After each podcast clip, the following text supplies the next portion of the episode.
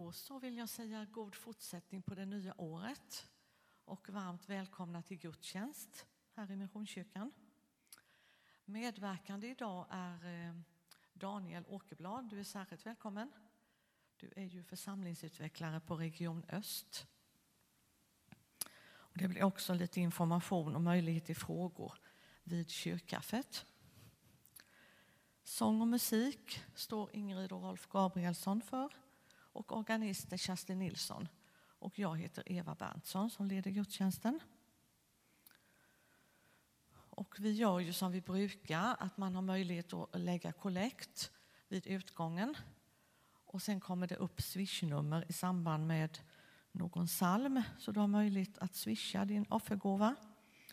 Och idag är det ju insamling till Ekumeniakyrkan. Och efter gudstjänsten så är ni alla välkomna på kyrkkaffe. Och eh, Eh, efter, efter kyrkkaffet sen så har vi en liten samling för oss som brukar vara mötes gudstjänstledare. Och inte brukar vara bara, utan om du känner att du skulle vilja prova på det någon gång, att leda gudstjänsten så är du välkommen. Nästa vecka har ni sett här på annonseringen på skärmen så är det ju ekumeniska böneveckan. Och det har ju snurrat runt de olika samlingarna. Det är ju kvällssamling varje kväll klockan 19 i olika kyrkorna. På onsdag är det ståledarsamling klockan 19. Och här sen till helgen då är ju föreläsningen med Patrik Hagman här hos oss på lördag klockan 4. Välkomna.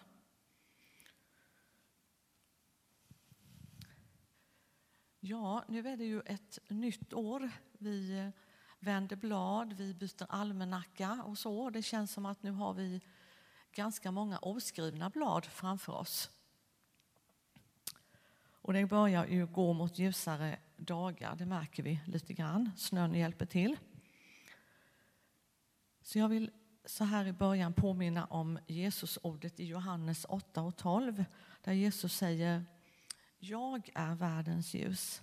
Den som följer mig skall inte vandra i mörkret utan ha livets ljus. Ett gott löftesord att bära med sig. Så sjunger vi tillsammans psalm nummer tre, Helig, helig, helig. Och det är ju en stjärna framför, så då reser vi på oss.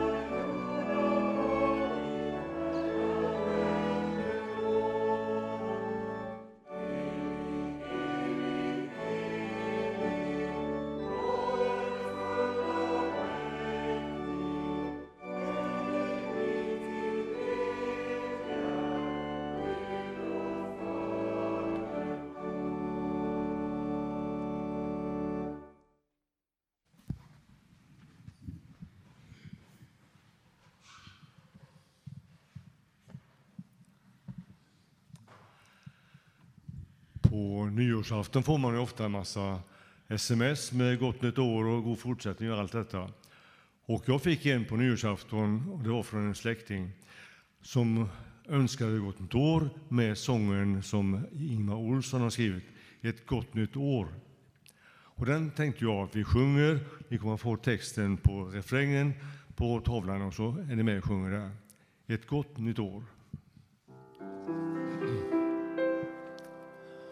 Var gång ett år har gått till ända Ett gammalt år har tagit slut.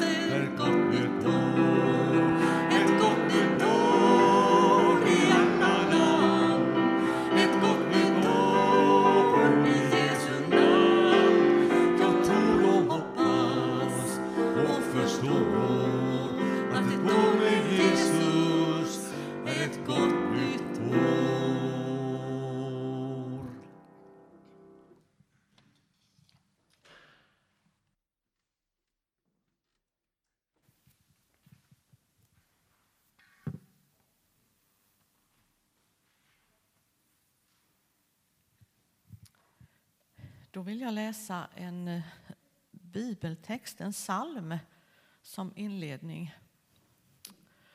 Och då fick jag till mig 23 salmen. Den kan vi ju egentligen, jag tror kanske till och med utan till.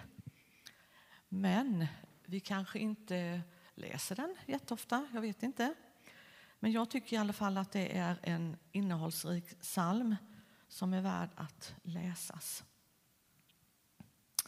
Herren är min herde, ingenting skall fattas mig.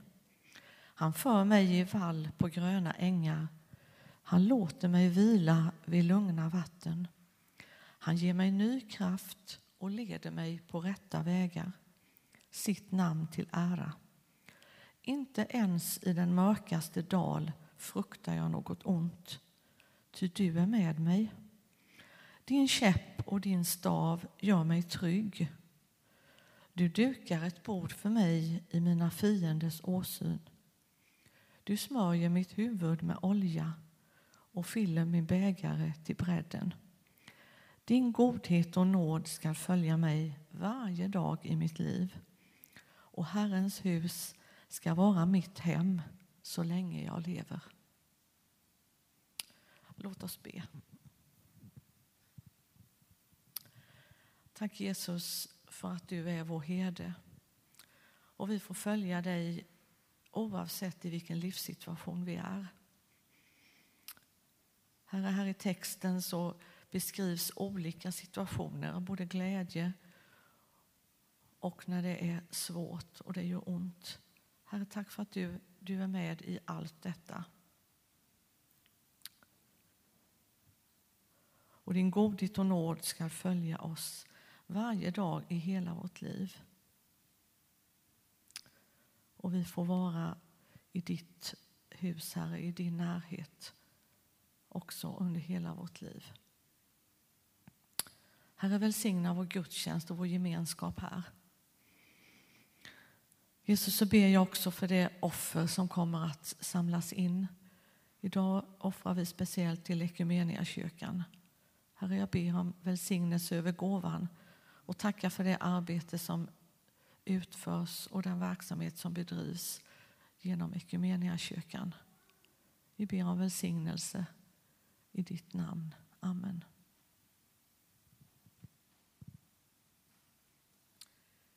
Så sjunger vi tillsammans psalm 134. Det är Gläns över sjö och strand. Rolf spelar ett längre förspel här på trumpeten och sen sjunger vi vers 1 och 2.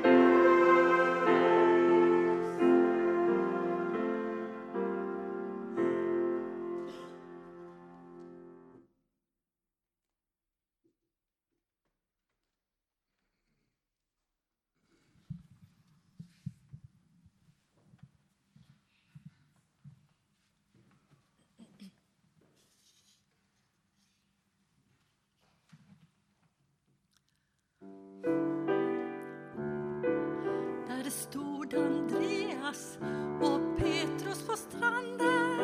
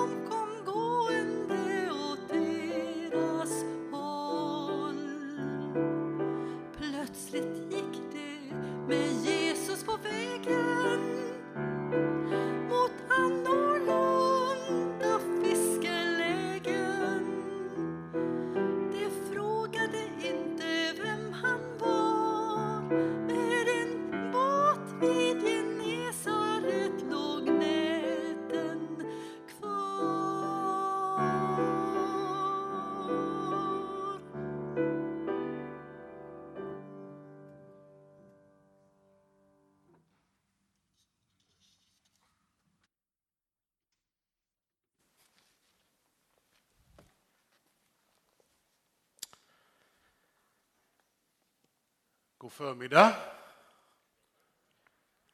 Daniel Åkerblad heter jag och har aldrig varit i Taberg innan, men nu är jag här och det känns jättekul att få vara här i Taberg. Och det känns som att när jag åkte hit den här morgonen att jag nästan åkte från olika årstider. För jag bor i Falkenberg med min familj och där är gräsmattan grön. Och det regnade i morse och var nästan fem plusgrader. Eh, och när jag åkte hit så blev det så, är jag i Norrland nu eller vart är jag egentligen? Och jag stannade och tog ett kort och skickade till min fru. Eh, och då hade Google lurat in mig på några småvägar. Ibland är det lite lurigt att bara knappa in sådär Google. För den hittar ju någon väg där och sen låg det nedfallna träd på vägen och så. Vart är jag på väg så? Skulle jag inte mot Jönköping typ? Och så, ja, jag hittade ju hit, men det var en helt annan morgon så.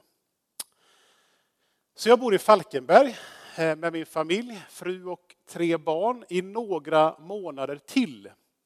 För vi är på väg att flytta till Habo eh, som familj och det kommer vi göra till sommaren. Och jag har då börjat en ny tjänst inom Equmeniakyrkan Region Öst som församlingsutvecklare.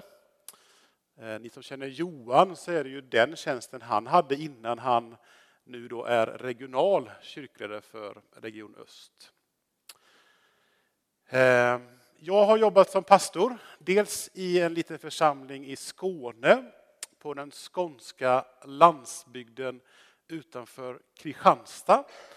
Dit flyttade vi ifrån Bromma, som då är Stockholms största stadsdel, till lilla Rickarum med ungefär 150 människor. Det var ganska stor skillnad kan man säga från tunnelbana och storstad till Skåne.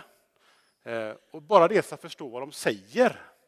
Så, jag hade en man i min församling som när han hade pratat in på röstbrevlådan, jag förstod aldrig vad han sa. Eh, för jag kunde inte se hans mun heller, så det var helt hopplöst att prata i telefon med honom. Eh, jag sa, du, vi får ta detta på söndag eller när vi ses på onsdag, för jag har lite svårt att förstå exakt vad du säger just nu. Så var det i början för mig, när vi bodde i Skåne.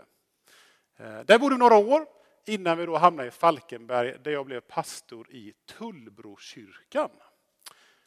Är det någon som har varit i Falkenberg och Tullbrokyrkan? En, det är Rolf som har varit där. Då tycker ni ska åka till, ni har varit i Falkenberg? Ja, det har ni varit, ja. men inte i Tullbokyrkan. Då tycker jag när ni, nästa gång ni är i Falkenberg så ska ni söka upp Tullbokyrkan. Eh, har någon varit och ätit pizza på Lilla Napoli i Falkenberg? Ja, en person har varit det, det också. Det är ju vår mest berömda pizzeria. Dit åker folk både från Oslo, Köpenhamn och Stockholm för att äta pizza eh, i Falkenberg. Och den ligger precis jämte Tullbrokyrkan.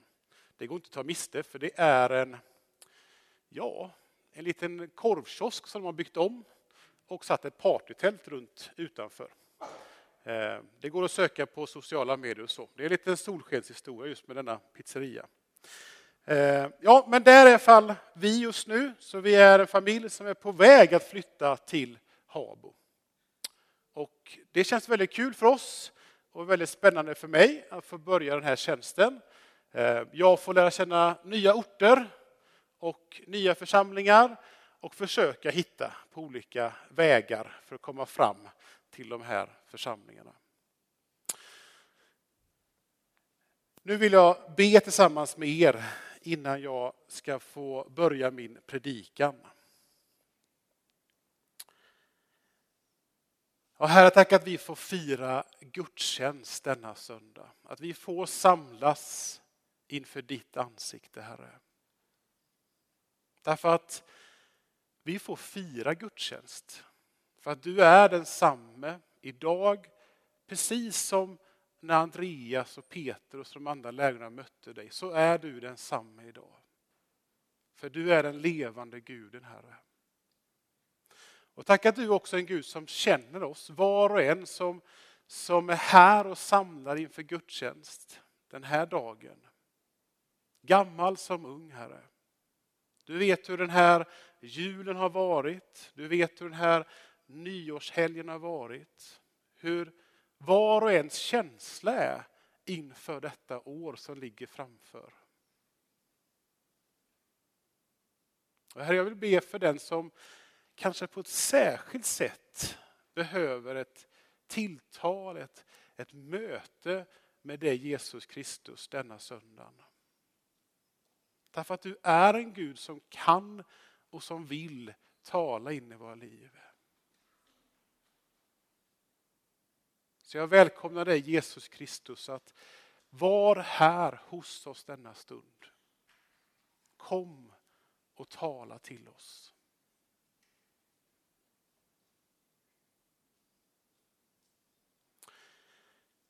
I Jesu namn. Amen. Vi har fått fira jul och vi har fått fira nyår. Och jag tycker det är lite speciell tid just det här med nyår. Eh, jag uppskattar att få på något sätt stanna upp och faktiskt summera året som har varit och blicka framåt.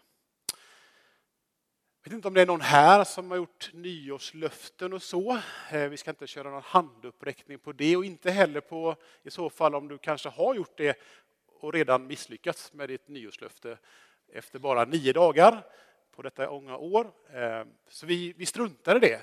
Men jag tror ändå att vi är några stycken av oss som gör de här nyårslöftena. Eller i alla fall sätter upp lite olika mål på vad vill vi med det här året som ligger framöver. Och de här dagarna nu då, kring jul och nyår, jag vet inte men i mitt sånt här flöde på sociala medier så har det nästan bara handlat om, om, om eh, träning och att man kan få olika erbjudanden på personlig PT och att man kan skaffa den här appen och äta nyttigare och så. Jag vet inte om det, om det är Facebook som tycker att jag borde ta tag i allt det där och, och, och göra det. Och det kanske är befogat. Men men eh, det, jag har inte gått, jag har inte skaffat någon sån app. Jag har inte heller gjort något nyårslöfte Eh, eller skaffat någon egen PT. Men ändå så tycker jag att det här det är en bra tid just att stanna upp i livet och se vad har hänt det här året? I min familj, i mitt liv, i min relation med Gud, och vad längtar och drömmer jag om ska få hända i mitt liv det här året, 2022. Och när jag har förberett den här söndagen så har jag läst en text som jag alldeles strax ska läsa tillsammans med er.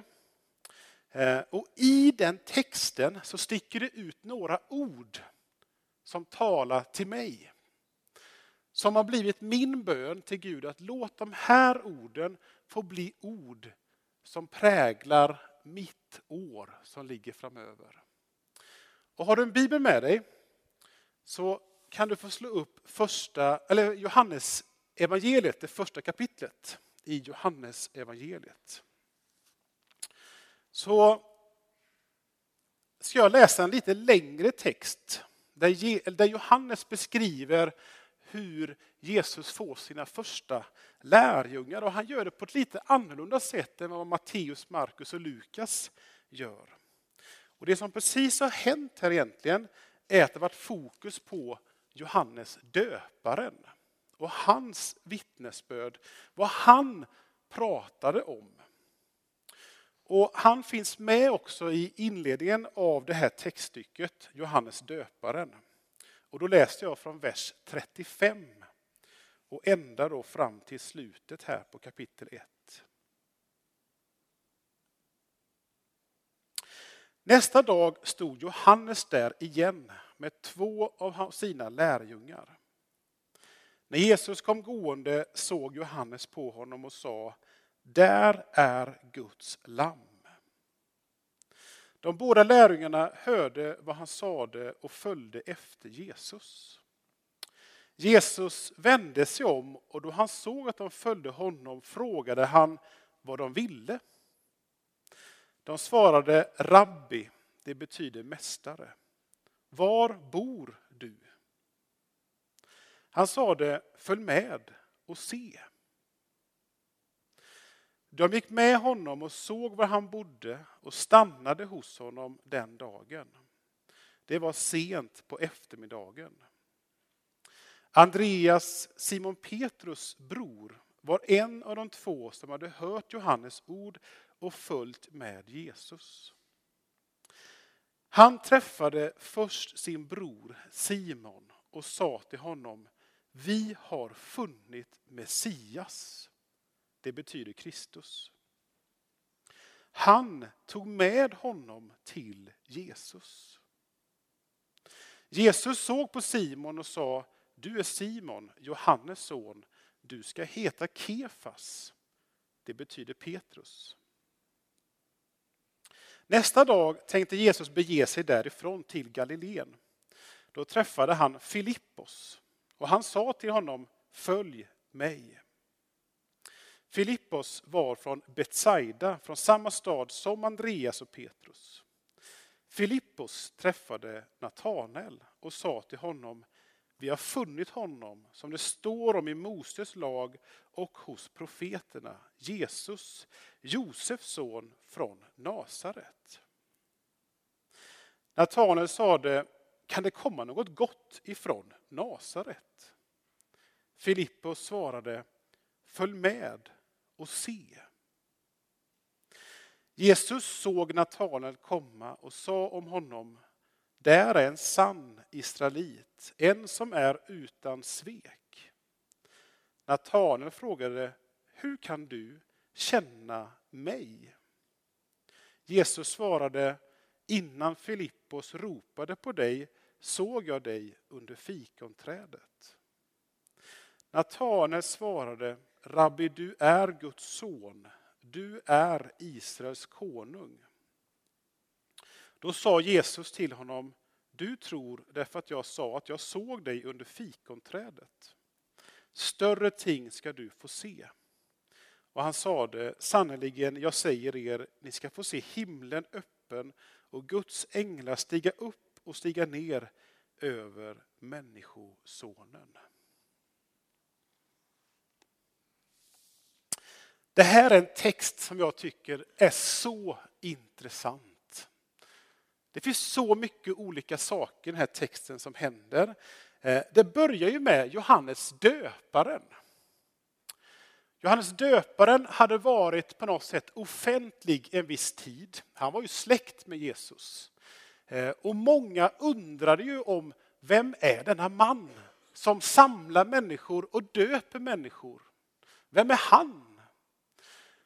Och han hade försökt vara tydlig till sina lärjungar att jag, jag är inte Messias. Det är inte jag som ni har i århundraden längtat efter. Det är inte jag, utan han kommer snart. Den som är större än mig kommer snart. Och så målar Johannes som skriver detta evangelium upp att där går Johannes, eller Johannes döparen en dag med sina lärjungar och så ser de Jesus komma. Och så är det som att Johannes döparen gör det otroligt tydligt för sina lärjungar. Ni vet han som jag har pratat om nu. Han som ska komma. Han som är Messias som de har väntat efter i århundraden. Där är han. Där är han, säger Johannes döparen. Till Jesus som kommer gående på gatan. Där är Messias, den konung ni har längtat efter. Och så läser vi den här texten att Andreas och en person till, en vän till Andreas, det står inte vad han heter, vi vet inte vem det är. De, vad ska man säga, slutar att hänga med Johannes döparen. Och så följer de efter Jesus. Och jag tänker att om man ska försöka på något sätt se vad som sker i den här texten så sker egentligen två saker. Och det första jag skulle säga som Johannes då, som skriver sitt evangelium på något sätt riktar sin strålkastare mot, det är att vad innebär det att vara en kristen? Jo, det innebär det första, att följa. Att lämna på något sätt där man står och följa efter Jesus. Och det gjorde Andreas och den här anonyma vännen den dagen. Och det är lätt att tänka så här när man läser den här texten att ja, där borta går Jesus på gatan och där borta går Andreas och den här personen och nästan försöker smyga sig på och speja lite. Men när man läser Johannes evangelium, och om du har gjort det, så har du säkert själv upptäckt att när Johannes skriver så finns det alltid en djup djupare mening i nästan varje text. Han menar någonting mer än bara det som står och skildras. Det finns som ett djup i Johannes texter. Det ramar in hela hans evangelium. Och här vill Johannes på något sätt rikta strålkastaren att vara kristen. Det handlar om att följa. Att följa Jesus. Och så går de där och till slut så märker ju Jesus att det är några som på något sätt följer efter honom. Så han vänder sig om och så ställer han en fråga till dem. Och här i Bibel 2000 så översätter de den frågan med Vad vill ni? Typ, vad håller ni på med? Som att Jesus ställer den frågan till Andreas. I folkbibeln så är det en liten annan dimension i frågan. För där står det, vad söker ni? Och det är det jag menar att det finns ett annat djup. Jesus ställer frågan till Andreas och denna personen, vad söker ni? Och jag tror att Jesus också menar djupast sett. Andreas, vad söker du efter djupast sett i ditt liv? Och det är ju den frågan som egentligen Jesus ställer till dig och till mig och till alla människor som närmar sig honom. Vad söker du djupast sett i ditt liv? Och det är en fråga som är väldigt bra att stanna upp vid just till exempel vid starten av ett nytt år. Vad söker jag djupast sett i mitt liv? Och när Andreas och den här vännen nu får den frågan och man läser detta så kan jag tycka att det blir nästan det att de ställer en märkligare fråga till Jesus tillbaka. Jesus säger, vad håller ni på med? Vad vill ni? Vad söker ni efter? Och de frågar Jesus tillbaka, var bor du? var bor du någonstans, Jesus? Och det är nästan, man, man, om man läser det ordagrant, är det, är det det de menar, Andreas och de här? Var bor du? Och idag, i vårt samhälle idag så är det ju det är inga problem att få reda på vart någon bor idag. Det är bara du vet vad personen heter så kan du gå in på hitta.se eller på någon annan sån här app och knappa in och då får du gatuadress och plus en massa andra information. Du får ju reda på vad de här människorna i genomsnitt tjänar och vilka bilar de åker i och ja, hur du kan skicka ett blomsterbud till den här personen och allt möjligt via de här apparna. Men jag tror inte att Andreas heller egentligen menar det fysiskt. Var bor du Jesus? Utan det Andreas egentligen menar med sin fråga till Jesus är, får vi umgås med dig? Får vi tillbringa tid med dig Jesus? Får vi vara med dig? Får vi lära känna dig Jesus? Det är vad Andreas ställer för fråga till Jesus. För Jesus, han svarar ju inte heller Andreas på den här frågan, var bor du? Så svarar ju inte Jesus, jag bor tre kvarter bort där och sen till höger. Det säger han inte. Utan det han säger Jesus som ett svar på Andreas fråga är de här oerhört vackra orden som nu kommer en första gång i den här texten. Jesus svarar Andreas, följ med och se.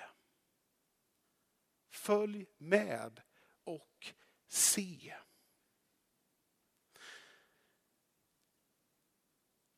Så när Johannes på något sätt vill säga någonting i den här texten till alla som skulle få höra eller läsa hans evangelium så är det det första han vill säga att när Jesus fick sina första lärjungar så handlar det om att följa. Det handlar om att följa med och se och upptäcka mer av vem är denna man, Jesus Kristus. Och när vi läser den här texten då så förstår vi att Andreas och den här vännen de umgås verkligen med Jesus den dagen. De tillbringar tid med Jesus den dagen. Och det mötet förvandlade deras liv. För vad är det första Andreas gör efter att han har varit med Jesus? Jo, han går och söker upp sin bror. Simon. Och när han finner Simon så är det som att han ropar ut Simon, vi har funnit Messias. Vi har funnit Messias, säger han till Simon. Och sen kommer det någonting som är så oerhört viktigt att se i texten. För vad är det Andreas gör med sin bror? Med den personen som är kanske just nu den viktigaste i hans liv. Han söker upp sin bror och sen så skriver Johannes så vackert. Han tog med Simon till Jesus. Han förde honom till Jesus. Vi har funnit Messias. Du måste följa med. Och så för han honom till Jesus.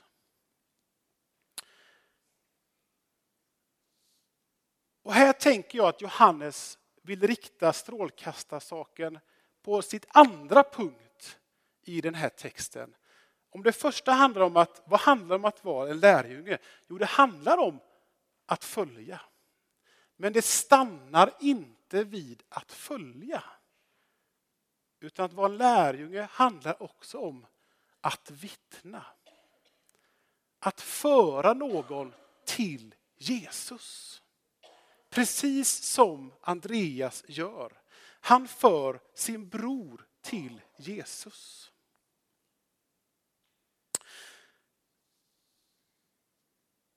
Och nu vill jag dela med mig någonting som har hänt för oss och för mig det här livet, eller det här året som ligger bakom. Jag nämnde inte det förut, men jag var pastor i Turbokyrkan i Falkenberg fram till 2018. Och fram tills nu då, 2021 så har jag jobbat på räddningstjänsten i Falkenberg och Varbergs kommun. Så jag har inte jobbat som pastor i en kyrka utan på räddningstjänsten som brandman och som samordnare. Det är de sista fyra åren som jag har gjort i mitt jobbyrke. Så. Och det har varit fyra väldigt bra år. Och väldigt lärorika år för mig som person på väldigt många sätt.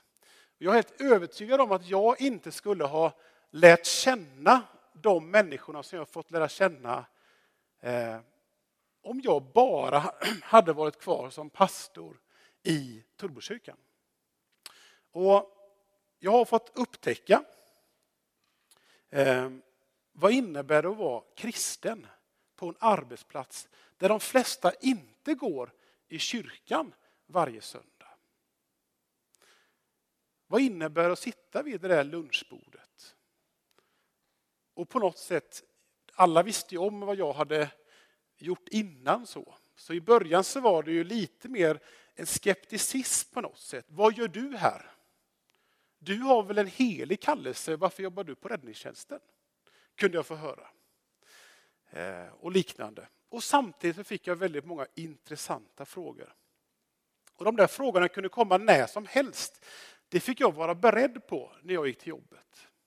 Jag minns en, en eh, natt eh, då vi hade varit på ett larm och vi satt i brandbilen på väg tillbaka till brandstationen. Det var sent på natten och det var helt knäpptyst i brandbilen. Då mitt, då mitt befäl vänder sig om och säger Daniel, jag har eh, två frågor. För det första, varför blev du präst? För det var det som de kallar mig för, präst. Varför blev du präst? Det var första frågan. Och nästa fråga var, hur blir man frälst? Och den var jag kanske inte riktigt beredd på att få på natten i en brandbil med andra personer som sitter runt omkring så. Hur blir man frälst? Eh, och det har varit oerhört intressant de här fyra åren att se att människor bär på en längtan efter Gud. Och en person som jag lärde känna, en kollega, vi blev vänner vänner på riktigt skulle jag säga. Eh, våra liv eh, och hur, säga, hur, vad som hade format oss, eh, vad vi gillar för musiksmak allt det där var totalt annorlunda. Men vi gillade att umgås med varandra.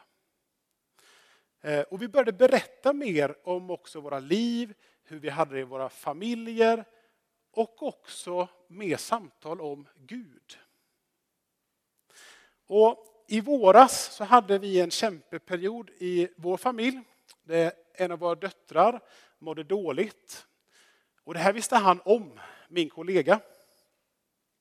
Eh, att vi hade det kämpigt så. Vi åkte in till akuten en dag. Och med vår dotter. Och på grund av de här restriktionerna så fick jag inte följa med in på sjukhuset. Eh, utan jag fick lämna av min dotter och min fru och sen fick jag gå tillbaka till bilen. Eh, och jag kände mig så ensam där och då. Jag hade ingen aning om vad som skulle hända där inne. Vad som de skulle säga, hur vi skulle få hjälp, hur vår dotter skulle få hjälp. Skulle jag stanna kvar på parkeringen? Skulle jag åka hem? Jag hade ingen aning. Eh, och kände mig så ensam. Och så bestämde jag mig då att jag åker upp ni kanske inte har varit där på sjukhuset i Halmstad, men bakom sjukhuset i Halmstad så finns ett berg som kallas för Galgberget, där också Försvarsmakten håller till. Det är en bokskog, så jag bestämmer för att jag åker upp dit. Jag måste bara få vara själv, jag måste bara få vara någonstans. Åker runt där på berget, bland bokskogen, ser en joggare komma springande på en skogsstig. Jag saktar in, jag ser att han saktar in för lite sådär, ska du köra först eller ska jag springa över först? Och så när vi kommer precis så här så ser jag, men vänta nu, det är ju han. Det är ju min vän som kommer springande i skogen. Så jag stannar bilen och hinner knappt gå ut innan han kommer fram och ger mig en kram. Mitt i coronatid. Det var ingen som sa ah, Där står två 40-åriga män och kramar varandra i en bokskog. Eh, och jag grät. Jag kunde inte säga någonting, jag bara grät. Och sen så säger jag så här då, när jag börjar få tillbaka min röst där. Eh, du vet om, sa jag till honom, att jag tror inte på slumpen. Du är sänd av Gud just nu. Och då, och då säger han så här, ja, jag vet det. Och det är lite jobbigt just nu. Hänger ni med? Det var så uppenbart för honom själv att det, det här har inte någon bara kunnat så.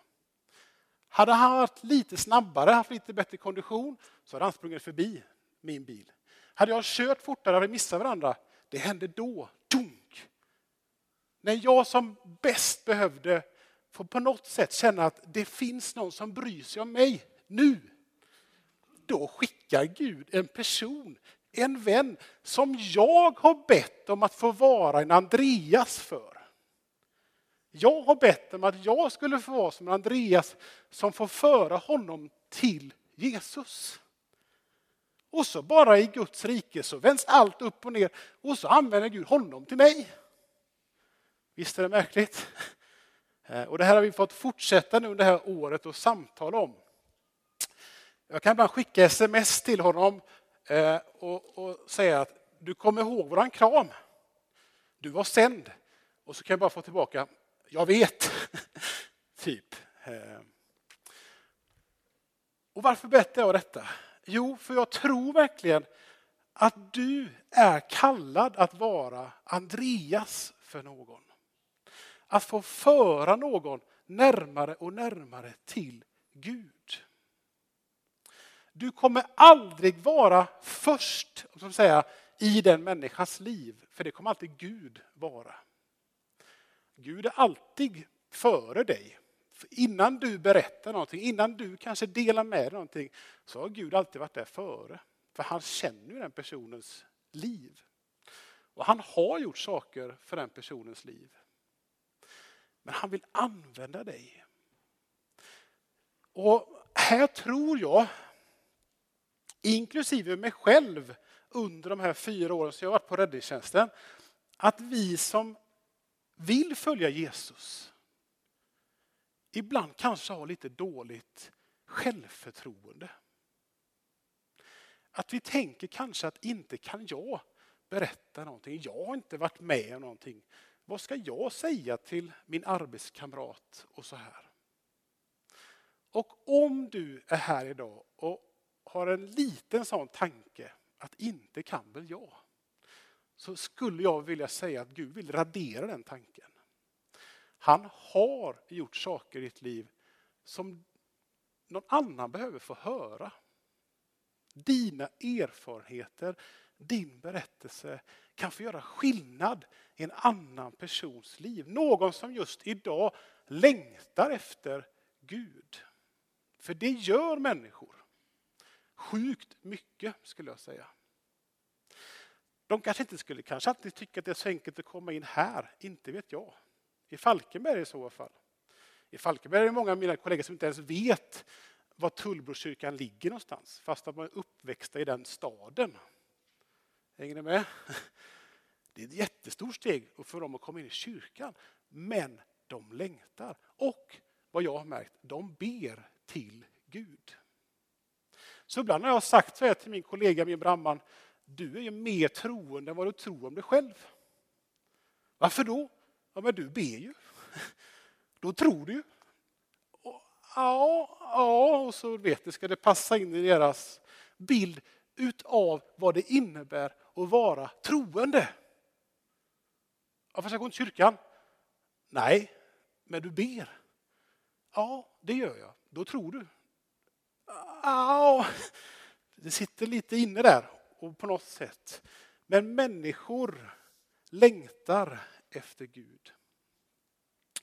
Och när vi läser denna text så ser vi det både hos Andreas men också hos Filippos som får ett möte med Jesus. Och vad gör Filippos? Jo, han går ju till Natanael och säger samma sak som Andreas fast lite mer omlindat. Så. Men han säger samma sak. Vi har funnit Messias. Och Natanael då, han blir ju lite mer skeptisk för han säger Va? Kan det komma någonting gott ifrån staden Nasaret? Det måste vara något speciellt med Nasaret, varför han reagerar så. Men så står det ju. Va? Kan det komma någonting gott ifrån Nasaret? Det har jag svårt att tro. Och vad säger då Filippos till sin vän Natanael? Jo, han säger ju exakt de här orden som är så vackra i detta textstycke som på något sätt lägger grunden för hela Johannesevangeliet. Följ med och se. Följ med och se. Upptäck själv vem Jesus är. Men jag kan hjälpa dig. Jag kan följa dig till Messias. Följ med och se. Och det är ord som är min bön för det här året som ligger framför. Egentligen i två olika dimensioner. Min bön för mitt liv är att jag skulle få följa Jesus och se mer av vem han är. Jag känner av det själv i mitt eget liv att det är lätt faktiskt att bli hemmablind. Det är nästan i mötet med den personen som längtar efter Gud som jag själv behöver inse, just det, den personen längtar efter det som jag faktiskt har funnit.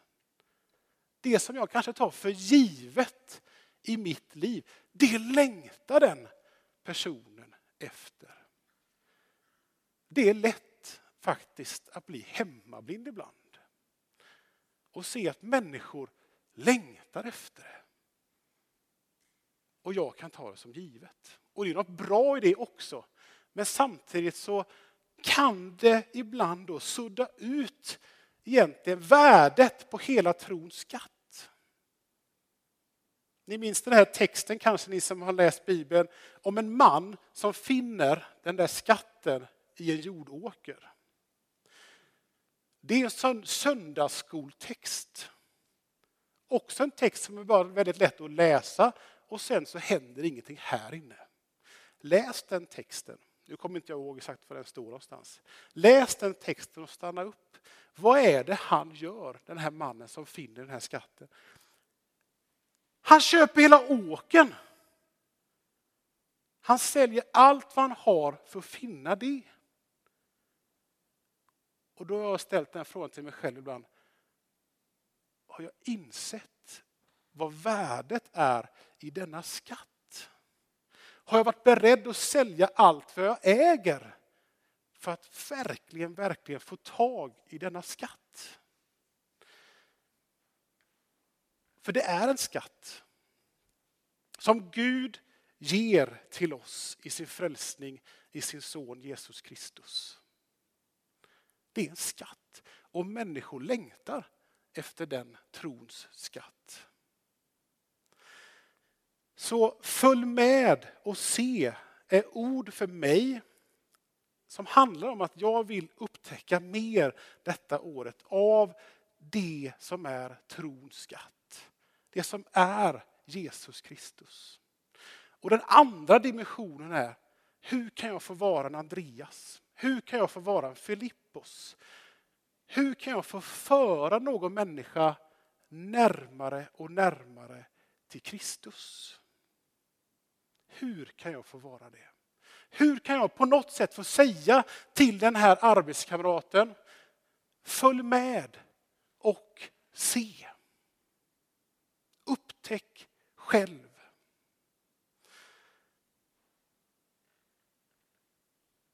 Det är de två dimensioner som jag har känt för det här året som ligger framöver. Följ med och se. Ska vi be tillsammans.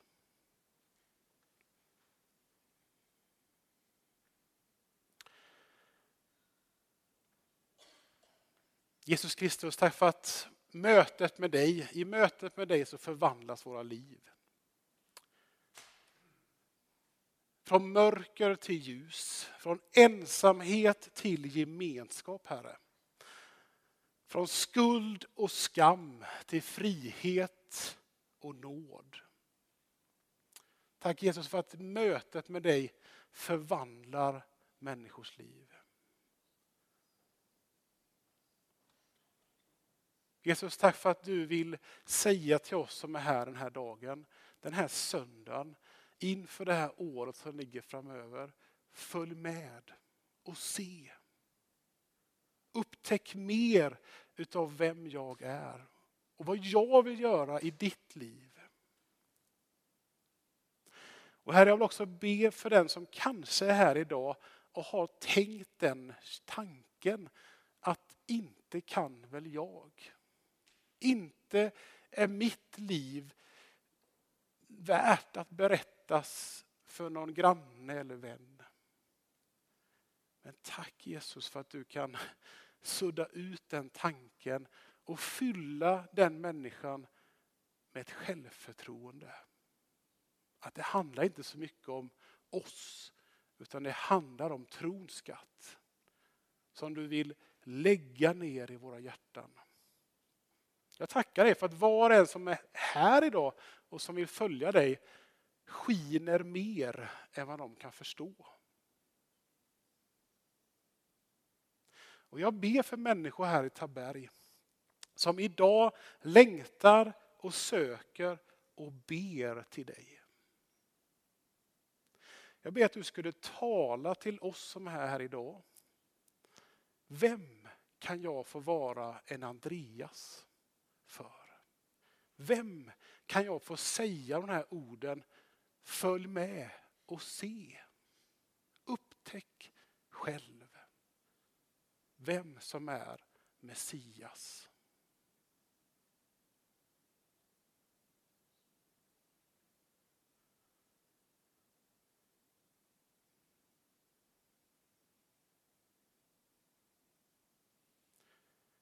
I Jesu namn.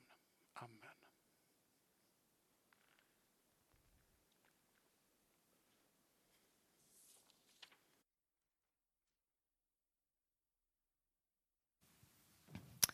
Tack Daniel för en uppmuntrande och inspirerande predikan. Så sjunger vi tillsammans psalm 396. Grip du mig helige Ande.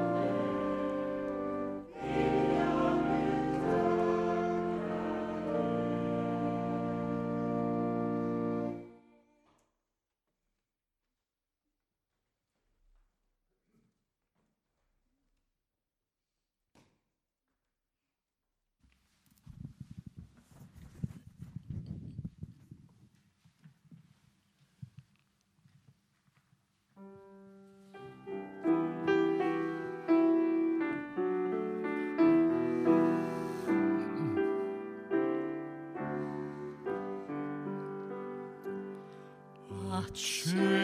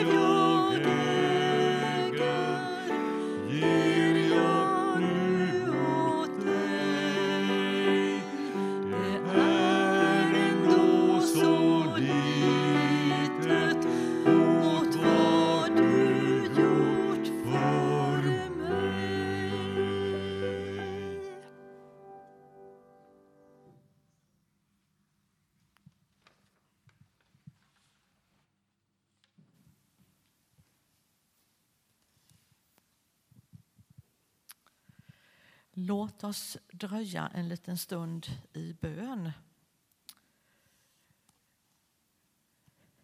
Låt eh, predikan sjunka in i dig.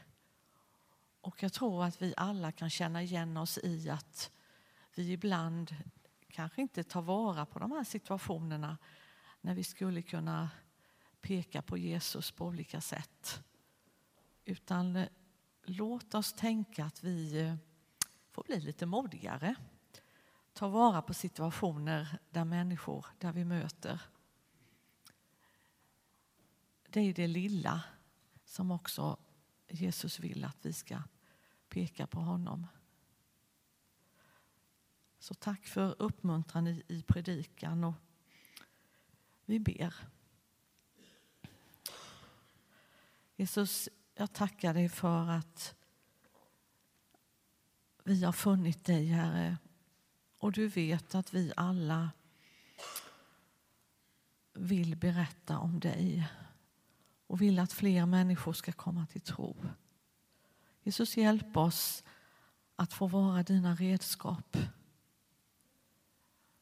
Både i det stora och i det lilla.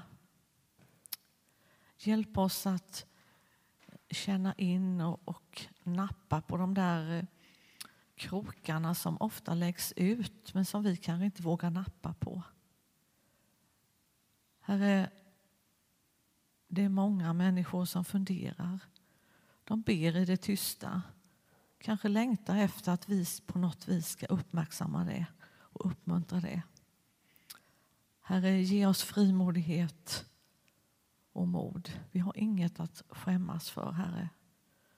Du är den store mästaren och du vill inget hellre än att möta alla människor. Jesus, så ber jag också för eh, läget med smittspridningen, Herre. Gode Gud, låt viruset lugna ner sig och stoppas och fallna ut. Herre, nu börjar snart alla barns och ungdomars skolgång och vårt barn och ungdomsarbete. Herre, vi ber om din hand över allt detta och din välsignelse. Så ber jag för ekumeniska böneveckan här nu som kommer till veckan. Att det ska bli välsignelserika och god gemenskap, de samlingar som är planerade. och veckan som kommer för oss alla där vi befinner oss, befinner oss i vardagen. Och Herre, jag ber också för vår församling, vårt samhälle och våra samfund. Tack Herre för att du välsignar.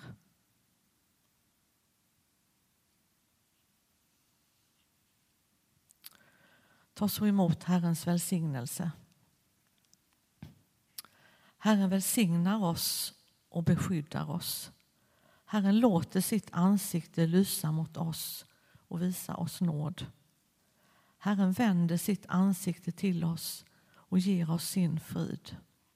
I Faderns och Sonens och den helige Andes namn. Amen.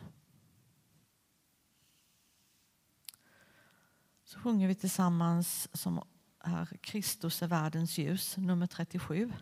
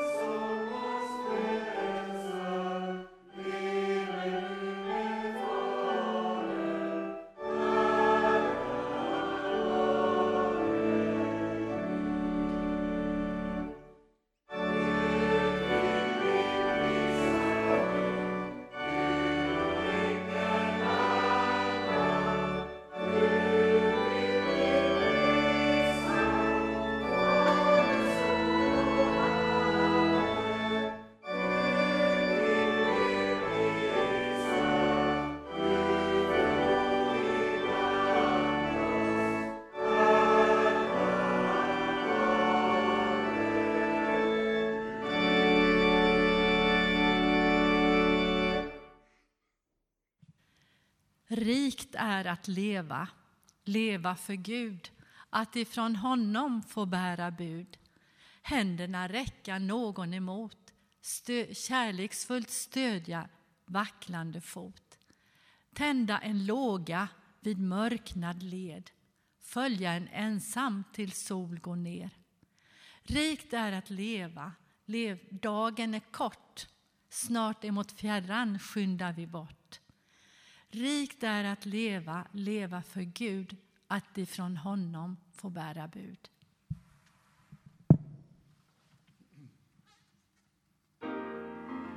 Mm.